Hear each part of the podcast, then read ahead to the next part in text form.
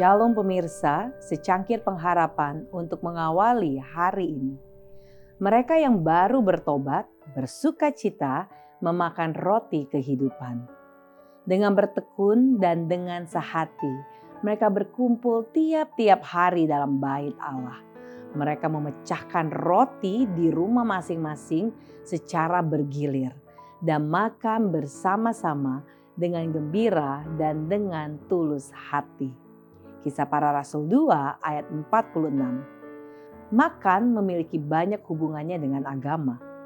Pengalaman spiritual sangat dipengaruhi oleh cara perawatan perut. Makan dan minum sesuai dengan hukum kesehatan meningkatkan tindakan kebajikan. Tetapi jika perut disalahgunakan oleh kebiasaan-kebiasaan yang tidak ada dasarnya, setan memanfaatkan kesalahan yang telah dilakukan dan menggunakan perut sebagai musuh kebenaran, menciptakan gangguan yang mempengaruhi seluruh aspek kehidupan.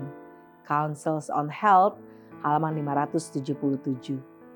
Allah tidak dihormati apabila tubuh diabaikan atau disalahgunakan dan dengan demikian tidak layak bagi pelayanannya untuk memelihara tubuh dengan menyediakan makanan yang disukai dan menguatkan.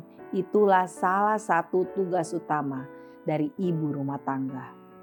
Jauh lebih baik kalau memiliki pakaian dan perabot yang kurang mahal daripada menghemat persediaan makanan. Hidup yang terbaik halaman 302. Biarlah meja makan itu diatur agar mengundang selera dan menarik dengan hal-hal yang baik yang telah dikaruniakan Allah dengan limpahnya. Hendaknya waktu makan jadi satu waktu yang menggembirakan dan bahagia. Sementara menikmati pemberian Allah, marilah kita menyambutnya dengan ucapan syukur kepada pemberi itu. Hidup yang terbaik, halaman 363. Demikianlah renungan kita hari ini. Salam mulai harimu dengan secangkir pengharapan.